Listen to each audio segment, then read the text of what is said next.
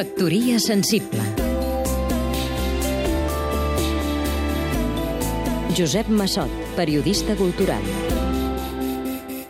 Celebrem aquests dies el culte als morts, un ritual que té les mateixes arrels que el naixement de la humanitat. Cada època ho recrea, i ara que vivim un temps on tot es mercantilitza, amaguem la visió de la mort, la reflexió serena sobre la nostra mortalitat en un carnaval de consum de mostres que es neguen a morir, un ball de zombis, fantasmes i vampirs.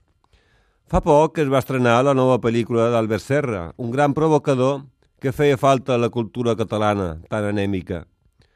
És un cineasta que fuig del cinema de Hollywood i, per tant, minoritari i de difícil digestió televisiva. Tracta de moltes coses. La que més m'ha cridat l'atenció és com narra la transició del segle de les llums el segle de la raó del que va sorgir la modernitat democràtica en una època de tenebres.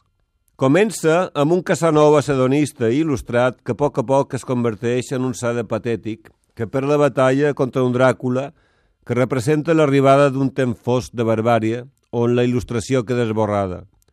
Voltaire, al seu diccionari filosòfic, s'alegrava que els vampirs havien desaparegut de París i Londres i només sobrevivien els paratges salvatges on no havia arribat encara l'educació. Deia que els vampirs reals eren els frares i els tirans.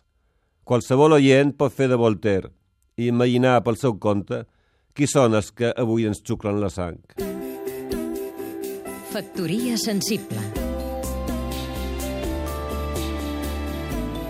Seguim-nos també a catradio.cat